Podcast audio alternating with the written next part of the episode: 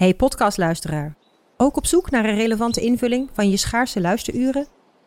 Tune dan in op de podcastserie ESG, even samengevat van BNP Paribas. Wij, Marloes en Aldert, spreken daar duurzame voorlopers en wereldverbeteraars. Waarover dan? Nou, bijvoorbeeld of we ooit duurzaam kunnen gaan vliegen. En waarom koeien in de stad nou een goed idee is? Dat en meer elke twee weken in een nieuwe aflevering. Dus abonneer je. ESG, even samengevat.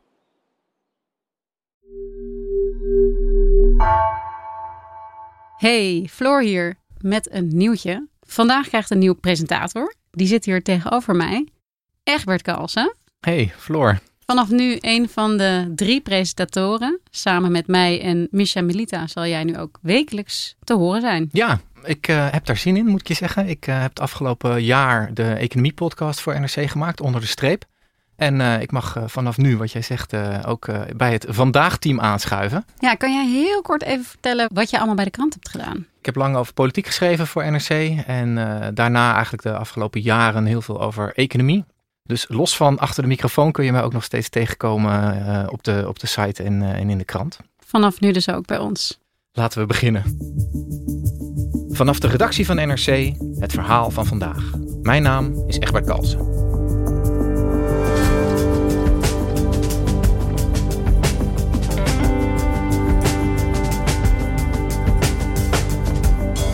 Aandelenkoersen schommelen en beleggers zijn zenuwachtig. Terwijl de economie alleen maar groeit, ziet economieredacteur Mark Beuneman dat de eerste beursmaand van het nieuwe jaar bar slecht is geëindigd. Hoe komt dat? En wat is er aan de hand op de beurzen?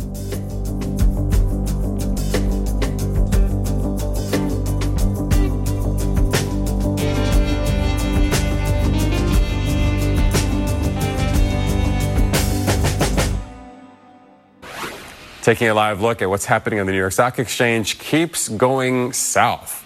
Now down about 528 points. Het lijkt erop dat de beurs aan een grote daling bezig is. Dow down about 351 points, Nasdaq off 242 points, S&P 500 off about 60 points. And then there's Bitcoin uh, trading below 35,000. We'll see uh, whether it breaks 33,000. Januari is eigenlijk een slechte, maar ook heel erg stressvolle uh, beursmaand uh, geweest voor beleggers. Je zag um, een enorme bewegelijkheid. Uh, elke dag was weer anders. Omhoog, omlaag. Het is eigenlijk een beetje afwachten per dag welke beweging de beurs nu weer gaat maken. Bijvoorbeeld begin vorige week zag je de Nasdaq-index in Amerika, waar veel technologie-aandelen in zitten met maar liefst uh, 5% uh, dalen. The Nasdaq is kicking off the year with its worst start since the financial crisis, all the way back in 2008, to find a worse start to a year for tech than right now. Wow. Maar op dezelfde dag uh, werd dat eigenlijk allemaal weer goed gemaakt. Nou, zo was het eigenlijk elke dag uh, weer anders. Dat uh, is voor beleggers wel even wennen. Weet jij waar dat door komt? Wat is de oorzaak van die bewegelijkheid? Nou, uh, de beurs is altijd uh, uh, een samenballing van allerlei factoren die in de zenuwachtige hoofden van allerlei beleggers ehm, spelen. Maar als je het zou willen samenvatten, is het eigenlijk één woord: inflatieangst. De inflatie uh, loopt eigenlijk al een tijd op, sinds ongeveer uh, afgelopen zomer. In de VS al wat eerder. Um, en aan die stijging is eigenlijk nog geen einde gekomen. Sterker nog, record vol, volgt op record. Goedenavond. Het leven is flink duurder geworden. Vorige maand stegen de prijzen met meer dan 5% De grootste prijsstijging in 40 jaar. Unfortunately, economists predict it won't be over anytime soon, with inflation remaining high throughout the year. In de eurozone is de inflatie nu uh, 5%. Dat is nooit eerder vertoond sinds de metingen begonnen in de jaren 90. Um, in de VS uh, ligt uh, de inflatie zelfs op 7%. Nederland 5,7%. Ja. Dat zijn echt uh, cijfers die we eigenlijk niet hebben gezien sinds de jaren 70, 80. En inflatie, om dat heel even duidelijk te maken, dat betekent dat jouw euro elk jaar minder waard wordt. Hè? Dat je minder kunt kopen voor diezelfde euro. Ja, prijzen stijgen over een, over een breed front. En ehm, hoewel sommige producten sneller duurder worden dan andere, energie is de ho- hoofdoorzaak eigenlijk van de inflatie. En daardoor kun jij eigenlijk met, je, met hetzelfde geld minder kopen. En, wa- en waar komt die inflatie vandaan? Jij noemde al energie, maar zijn er nog meer factoren die de inflatie aanjagen? Ja, eh, economen voeren hier een heel debat over. Hè? Eh, maar je kunt een aantal dingen wel, wel aanwijzen. We zitten nu, nou ja, hopelijk helemaal aan het einde van eh, de pandemie. Mhm. Die pandemie heeft het economisch systeem, vooral het handelssysteem eigenlijk wereldwijd, flink overhoop gegooid. Eh, er zijn allerlei eh, tekorten ontstaan aan producten, van eh, chips in apparaten tot grondstoffen, tot, nou ja, als jij nu je keuken wilt verbouwen, dan moet je echt even wachten hè, op de apparatuur die daarin zit. Ehm, dat is één factor. Ehm, maar er is ook een andere factor. Dat is er, dat er heel veel vraag is van consumenten. Deels is dat gewoon uitgestelde vraag, omdat we een tijdje nou ja, minder goed dingen eh, konden kopen. Voor een ander deel is dat ook omdat eh, er gewoon heel erg veel geld in het systeem zit. Want de overheden, dus regeringen in de westerse wereld, hebben massaal ingegrepen om de economie op peil te houden de afgelopen eh, twee jaar. Dus ze hebben zich enorm in de schulden gestoken. Staatsschulden zijn echt ge- geëxplodeerd. Ehm, en dat konden ze eigenlijk alleen maar doen omdat eh, ze daarin werden gesteund door centrale banken. Die hebben massaal die schuld, die die eh, overheden dus uitgaven om de economie eh, op peil te houden, opgekocht. Ja. En, en die, jij zegt dat er is heel veel geld in het systeem gekomen. Bedoel je de steunpakketten en de redding van bedrijven en zo? Hebben we het daarover dan? Ja, dat klopt. Dus denk aan de, de NOW-regelingen hebben ervoor gezorgd dat inkomens eigenlijk op peil bleven. De overheid geeft heel veel geld uit aan eh, het weer aanzwengelen eh, van de economie. Dat zie je eigenlijk over de, de hele westerse wereld. In Amerika is het heel extreem. Daar heb je het eh, stimuleringspakket van president Biden van 1900 miljard dollar. Ehm, en dat geld heeft uiteindelijk toch zijn weg gevonden naar bedrijven en naar consumenten. En uiteindelijk werkt dat prijsopdrijvend. Want ehm, eh, consumenten geven meer uit, eh, bedrijven ook, investeren meer. Eh, alles wordt langzamerhand duurder. Ja. Gecombineerd met die tekorten krijg je dan inflatie. En Mark, ehm, die hoge inflatie van nu, hè? dat zien we dus terug in die angst op de beurzen. Waar reageren die beleggers dan precies op? Die beleggers zijn vooral bang voor het scenario van een stijgende rente. Want eh, de manier waarop centrale banken kunnen reageren op eh, inflatie is eh, het verhogen van de rente. Omdat ehm, als de rente omhoog gaat, ehm, geld lenen duurder wordt. En dat zal de consumptie van jou en mij als consumenten ehm, duurder maken. Tegelijkertijd wordt sparen voor jou en voor mij ehm, aantrekkelijker. Dus Dat is wel nodig zo langzamerhand. dat is zeker nodig, hè, met een spaarrente van 0 Ja. eh, of, of zelfs onder de 0%. Eh, maar dat betekent per saldo dat er gewoon minder geld wordt uitgegeven, meer geld wordt gespaard. Dus er komt eigenlijk minder geld in de economie. En dat zal de prijsstijgingen uiteindelijk dempen. Die aandelenkoersen, de beurzen waar we het over hebben, die reageren heel sterk op zo'n, eh, zelfs nog niet eens op een echte renteverhoging, maar op, op een discussie over renteverhoging. Waarom zijn zij zo gevoelig voor die discussie over de rente? Ja, dat is om een aantal eh, redenen. Ehm, de eh, afgelopen jaren heb je eigenlijk gezien dat ehm, beleggers ehm, veel meer aandelen zijn gaan kopen. Vandaar ook beursrecord op, eh, op beursrecord. Omdat de rente eh, zo ontzettend eh, laag was. En dan gaat het met name om de rente op staatsobligaties. Dat is eigenlijk de, de veilige belegging bij uitstek. Een soort van basisbelegging. Je krijgt als belegger ehm, een vast rendement. En je bent veilig, want de staat gaat niet zomaar failliet. Ja. Maar op het moment dat de rente daarop zo ontzettend laag is, of zelfs negatief, moet je dus op zoek naar andere vormen uh, van beleggingen om toch rendement te krijgen. Nou, dat zijn onder meer uh, aandelen, maar het kan ook uh, crypto zijn. Risicovoller dan een obligatie. Ja, precies. op het moment dat de rente weer gaat stijgen, zijn die staatsobligaties ook weer aantrekkelijker en aandelen relatief minder aantrekkelijk.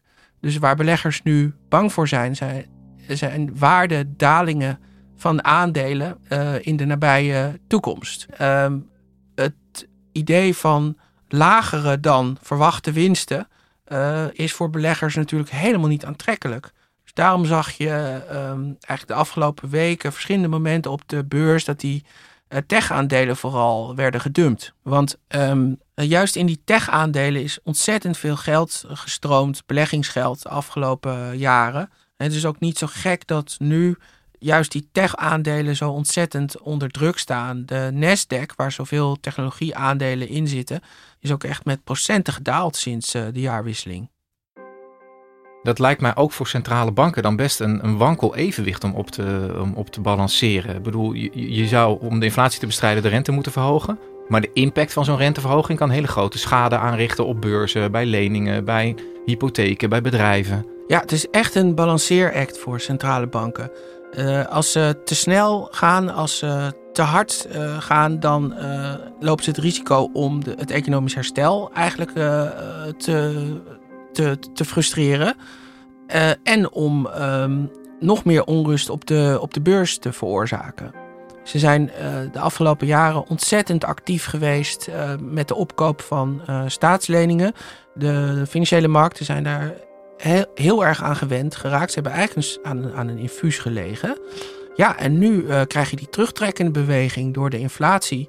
En uh, dat uh, is best riskant. En pijnlijk voor beleggers die eraan gewend zijn geraakt, eigenlijk um, gratis winst te krijgen door het beleid van centrale banken hey, en Mark, het is dus nog niet helemaal duidelijk wat de, wat de inflatie gaat doen de komende tijd en, en hoe de centrale banken daar precies op zullen reageren. Maar wat zijn de scenario's waar we, waar we rekening mee kunnen houden? In uh, Amerika is het eigenlijk uh, redelijk duidelijk. De, de rente zal gewoon omhoog gaan. Um, meerdere keren waarschijnlijk dit jaar. Um, omdat de inflatie daar ook echt heel hoog ligt. Hè? 7, 7 procent. De lonen beginnen ook te stijgen. Um, in Europa ligt het allemaal iets ingewikkelder. Daar is de inflatie wat lager, hoewel 5% ook heel hoog is. Mm. Maar de onderliggende inflatie, zonder uh, die, uh, die uh, energieprijzen, die altijd heel wispelturig zijn, um, is er wat lager. En de Europese Centrale Bank moet eigenlijk ook extra voorzichtig opereren. Want de eurozone is um, eigenlijk dus een muntunie van 19 verschillende economieën. Uh, waaronder een paar die ontzettend uh, in de schulden zitten. Denk vooral aan Italië en Griekenland. Als de ECB de rente te snel verhoogt, kan dat een impact hebben op uh, de financiële positie van die landen. Het dan is... kunnen ze geen geld meer lenen. Dan kunnen ze niet meer zelfstandig, in het geval, hè, dat is een mm -hmm. extreem scenario, maar toch een staatsschuldencrisis. Uh, kunnen ze inderdaad niet meer zelfstandig uh, geld lenen op de, op, de, op de markten. En dus is het voor de ECB zo mogelijk nog moeilijker om dat tijdperk van die ultralage rentes achter zich te laten. Wat op de achtergrond ook meespeelt, is dat de ECB ook heeft gezien wat er gebeurt als je de rente te vroeg verhoogt. Althans, dat is de overtuiging van sommige bestuursleden. In 2011 heeft de ECB de rente verhoogd vlak na de financiële crisis. The Governing Council decided to increase the key ECB interest rates by 25 basis points after maintaining them unchanged for almost two years at historically low levels. En uh, dat heeft toen eigenlijk bijgedragen, volgens uh, een paar bestuursleden, aan de uh, eurocrisis van een jaar daarna. Dames en heren, goedenavond. Gaat het dit keer wel lukken? Of blijven de eurolanden doormodderen van crisis naar crisis? Je had zijn hoogtepunt in 2012. Dus het is heel riskant om te vroeg te gaan, um, te gaan uh, bewegen. En Christine Lagarde, de, de president van de ECB, zegt uh, tot nu toe dat uh, het waarschijnlijk is dat de inflatie in de eurozone dit jaar zal gaan dalen. President Lagarde, please. Thank you.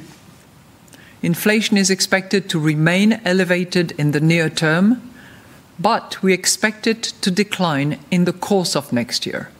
Met name omdat de energieinflatie uh, zal gaan afnemen. Iets wat overigens ontzettend onzeker is. En wat nou als die inflatie toch blijft stijgen de komende tijd?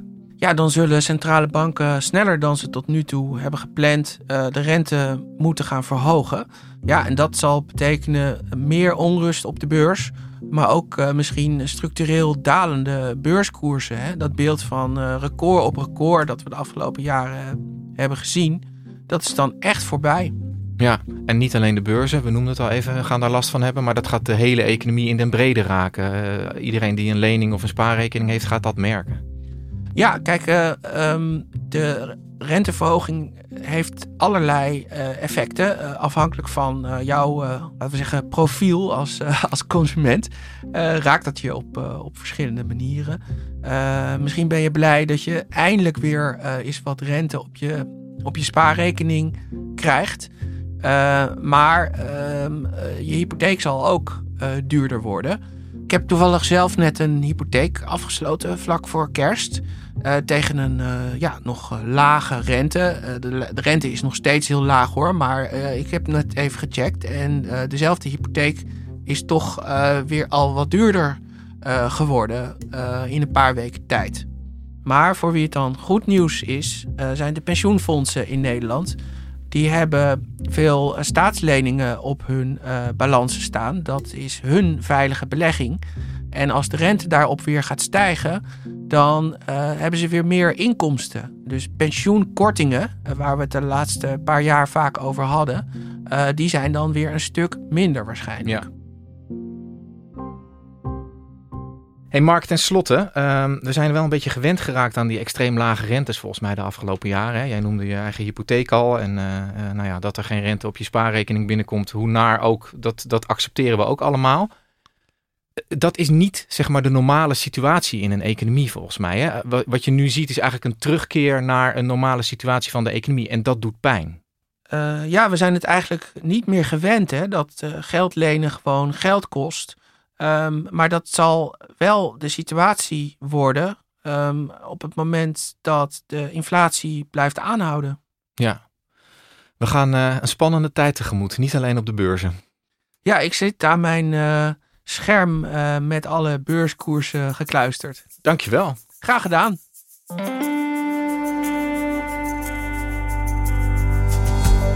Je luisterde naar vandaag, een podcast van NRC. Eén verhaal, elke dag. Deze aflevering werd gemaakt door Allegria Ioannidis en Marco Raaphorst. Dit was vandaag, morgen weer.